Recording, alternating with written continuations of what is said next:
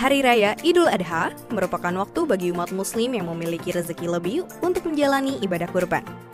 Melalui program pemeriksaan hewan dan daging kurban, IPB University memastikan daging yang dihasilkan adalah daging yang aman, sehat, utuh, dan halal. Fakultas Kedokteran Hewan IPB University berkontribusi membantu dinas-dinas di Jabodetabek untuk melakukan pemeriksaan hewan dan daging kurban sejak tahun 1989.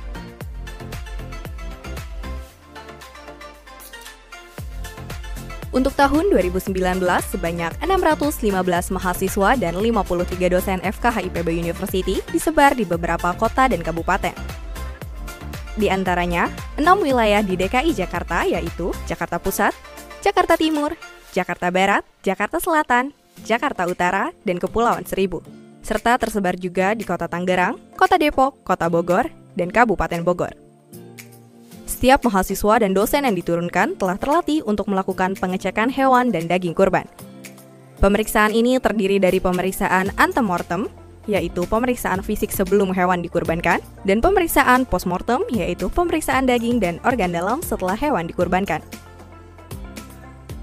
Assalamualaikum warahmatullahi wabarakatuh.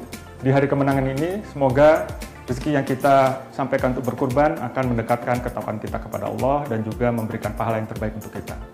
Selamat Idul Adha 1440 Hijriah. Jayalah IPB kita, Viva Veteriner.